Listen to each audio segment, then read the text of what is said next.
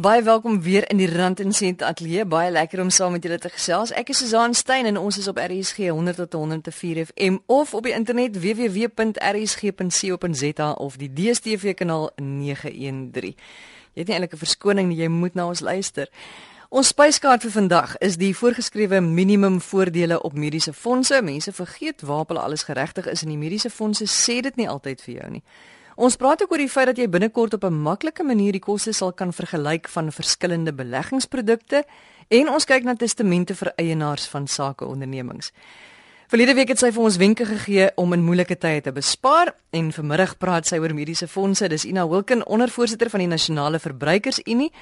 En Ina, wat is die doel van hierdie voorgeskrewe minimumvoordele op mediese fondse?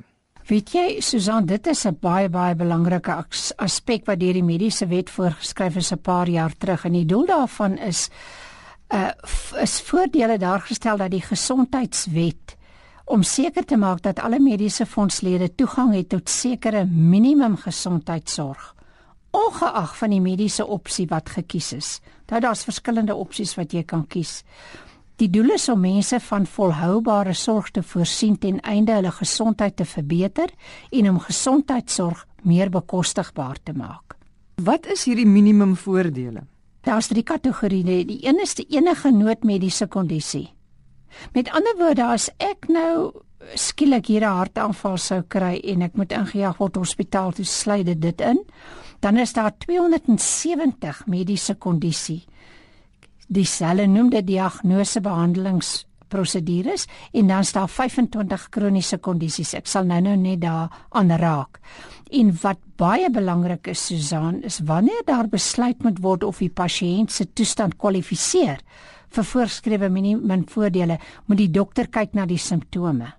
Met ander woorde ongeag hoe hy dit gekry het, waar hy was of by wie hy of wat ook al, hy moet net na die simptome kyk en ek dink dit is baie baie belangrik.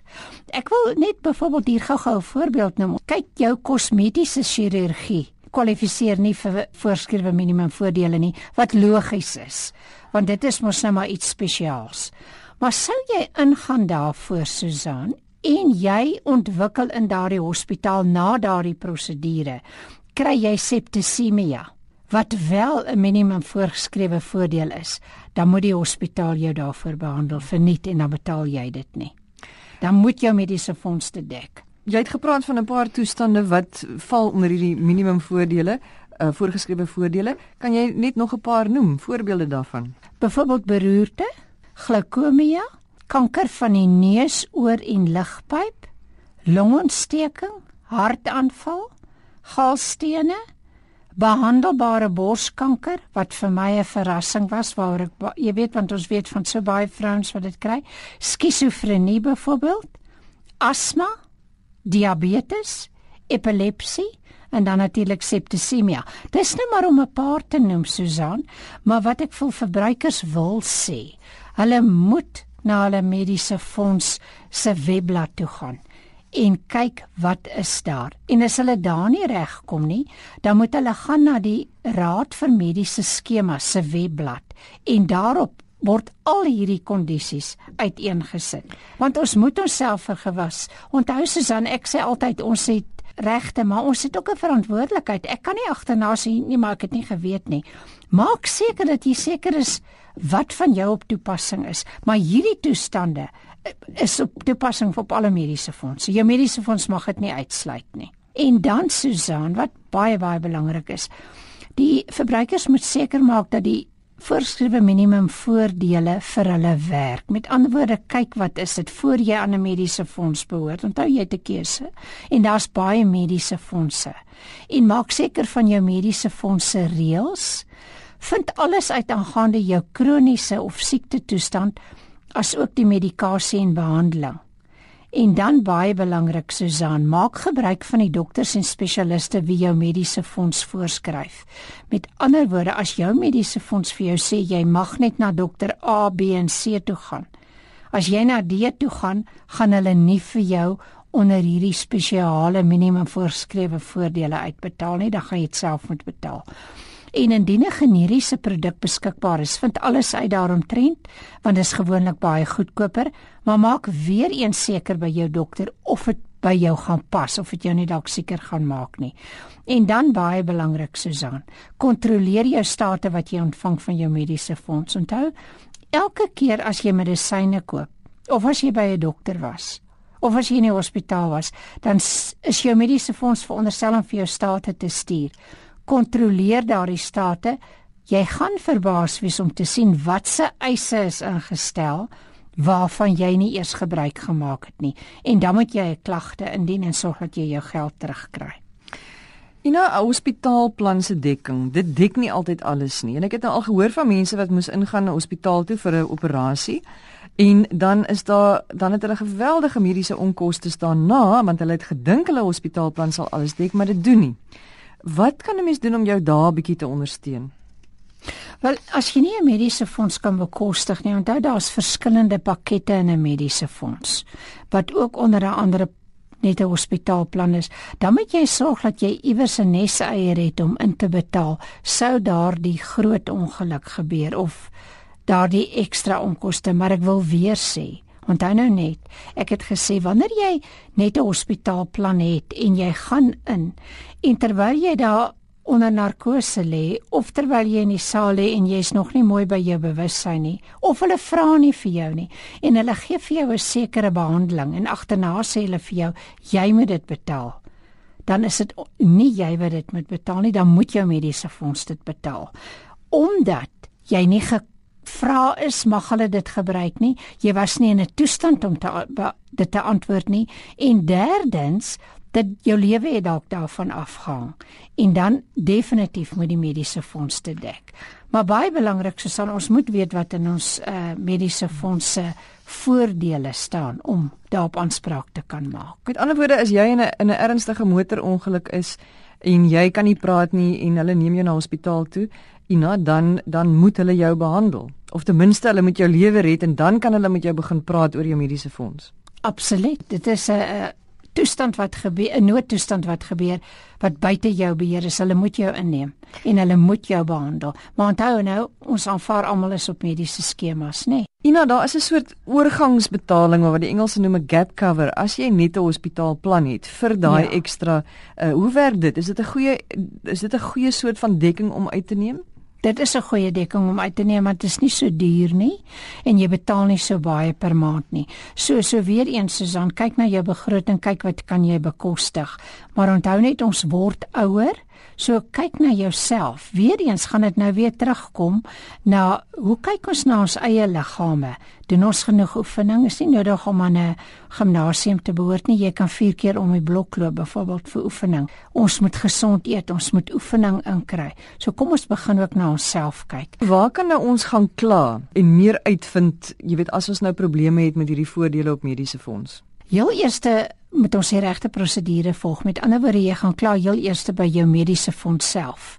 As jy daar nie reg kom nie, dan gaan jy reguit na die raad op mediese skemas toe. Nou, hulle klagte e-posadres is complaints@medicalschemes.com. Hulle webadres is www.medicalschemes.com. As hulle op daardie webblad gaan, Susan, kan hulle klagtevorms aftrek en hulle kan daarna hierdie minimum voorgeskrewe voordele kyk. En as hulle net wil inligting hê, is die adres support@medicalschemes.com en dan het ek vir hulle 'n telefoonnommer 012 431 0500 of 0861 123 267 Dit was Ina Wilken, ondervoorsitter van die Nasionale Verbruikersunie. As jy nou die kontakbesonderhede gemis het wat sy gegee het van die Raad op Mediese Skemas, stuur vir my 'n e e-pos na rsgrandencent@gmail.com. rsgrandencent@gmail.com en ek sal dit vir jou aanstuur. Ons gaan voort met Rand en Sent. Ek is Susan Stein. Onthou jy kan ons oral in Suid-Afrika opvang iewers tussen 100 tot 104 FM op RSG. En uh, as jy net 'n rekenaar by jou het, dan by www.rsg.co.za of op die DStv kanaal 913. Verlede week het ons saam met Nicoline Skuman Lou van Skuman Law ingelyf gekyk na huwelikskontrakte vir eienaars van sakeondernemings. Vandag praat sy oor testamente. Baie belangrik vir almal van ons om 'n testament te hê, maar veral vir mense met sakeondernemings. Nicoline verduidelik hoekom. Veral in die kleiner sakeondernemings in ons land waar 'n eienaar dalk een party is, miskien twee partye is. Die feit van die saak is as iets met daardie persoon moet gebeur, daardie persoon onverwagse sterwe moet kom, wat gebeur met die besigheid? Wat gebeur met die met die werknemers? Wie teken regte op op die verskeie rekeninge? In al die tipe van praktiese oorwegings sowel as die die regsaspekte. Nicoline sê dis baie belangrik om goed na te dink aan wie jy jou besigheid gaan bemaak. Is daar dalk 'n uitblinker tussen jou werknemers wat jy dalk kan lei en amper half groot maak om 'n pos te beklee eendag saam met jou as 'n vennoot miskien of daai persoon wat by jou eendag gaan oorneem? Of dalk is daar 'n kind wat dieselfde passie het vir die besigheid in 'n familiebesigheids uh, opset um, spesifiek My mens moet kyk, is daar iemand wat ek nou al kan begin intrek en oplei en in staat stel om in my skoene in te staan as dit sou nodig raak op baie onverwagse of kort kennisgewing.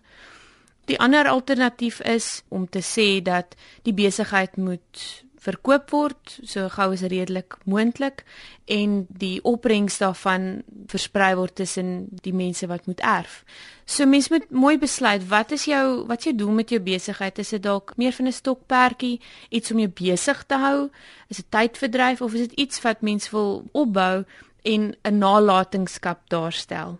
En is die tweede genoemde die die oogmerk is van die begin af is dit baie belangrik om hierdie praktiese reëlings te tref Indien jy 'n onderneming het en jy wil baie graag hê jou familie of jou gesin moet baat vind daarbey, maar jy weet nie een van hulle gaan dit kan oorneem as jy te sterwe kom nie, dan sien Nicolinus die skep van 'n trust die beste manier om te volg. Jou begunstigdes van daardie trust kan dan jou eggenoot of eggenote wees, sowel as jou kinders en hulle nasate as dit die oogmerk is of dit kan net een persoon wees of twee persoon en dit ontbind na 'n sekere tyd. Mens kan dit opstel net soos wat dit die mees geskikste is.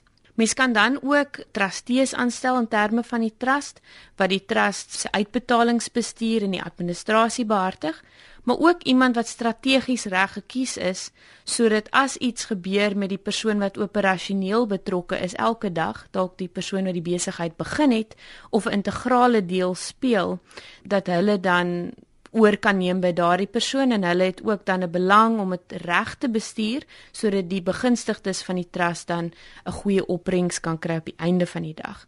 In die alternatief kan mens ook kyk om bloot uh, familielede ook aandeelhouers te maak maar mens moet baie fyn oor dit dink van 'n aandeelhouer al is dit nie iemand soos 'n direkteur wat 'n eh, wat 'n bestuursrol gaan speel van dag tot dag nie. Is dit tog iemand wat besluitnemingsmag het? En as daar dalk emosies is of uh, persoonlikhede wat dalk nie altyd so goed oor die weg kom nie is dit 'n risikofaktor vir die besigheid. Nicoline het 'n paar wenke van hoe mense jou voorbereidings kan tref om jou sake in plek te kry. Want wat gaan byvoorbeeld met jou sakeonderneming gebeur? As iets met jou gebeur en jy het nie 'n testament nie. As jy nie 'n testament het nie dan word jou boedel berei redder in terme van wetgewing en dan word dit staaksgewys na jou familie oorgedra. So dit beteken eerste eggenoot of eggenote en kinders as daar nie 'n eggenoot of eggenote is nie, dan kinders, as daar nie kinders is nie, dan gaan dit na broers en susters en dan op in die familielyn na paas en maas en ooms en tannies en so meer.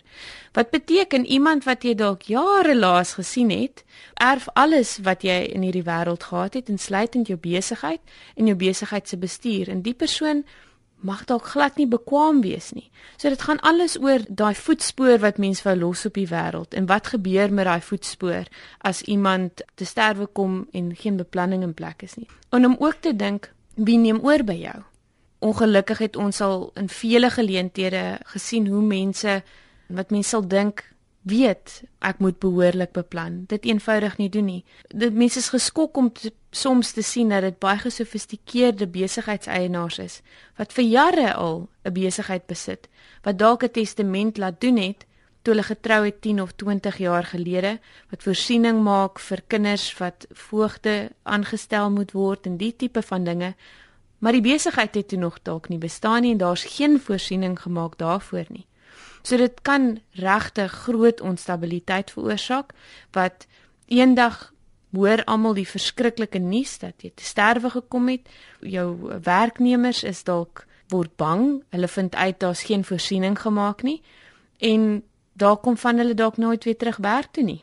En dit affekteer aan die kapasiteit en die waarde van die besigheid om dit te kan verkoop. Al is daar geen voorsiening gemaak vir oorhandiging of iemand wat oorneem in die tipe van goed nie, moet mens daaraan dink dat as daar geen reëlings getref is nie vir klein die waarde van jou besigheid wat jy kan verkoop om vir jou vir jou mense te kan sorg wat agtergelaat word word dit verklein teen 'n astronomiese spoed en gewoonlik teen 'n astronomiese waarde. Benewens 'n testament opstel, het Nicoline ook ander wenke van dinge wat jy in plek moet kry om te sorg dat jou sake reg is ingeval iets dalk met jou sou gebeur. Maak seker dat die struktuur in plek is. Wat jy graag wil sien met jou besigheid gebeur, sit die struktuur in plek wat dit van 'n regsgeldige oogpunt sal laat gebeur doen jou beplanning omtrent belasting en die tipe van goed sodat jou boedel ook nie onvoorsiene kostes moet dra nie wat ook in insolventie dalk kan opeindig nie. En laastens praktiese dinge. Maak 'n lys. Waar is jou wagwoorde vir jou rekenaars, jou stelsels wat van kardinale belang is in die besigheid as jy dalk al daai magte het en niemand anders help jou daarmee nie? dink as besigheidseienaars kan ons maar eerlik wees, as jy veral as jy nog klein is, is dit gewoonlik een, miskien twee persone, 'n handjievol mense wat daardie tipe inligting het. En mens moet seker maak dat iemand anders dit kan bekom en dit kan verantwoordelik aanwend. Die ander ander opsie natuurlik is om te kyk na tekenregte op bankrekeninge. Natuurlik is is mense sterwe kom dan word alles gevries. So mense moet dink aan hoe gaan salarisse betaal word en die tipe van reëlings getref word om daai tipe reëlings ook te tref en dan sleutels.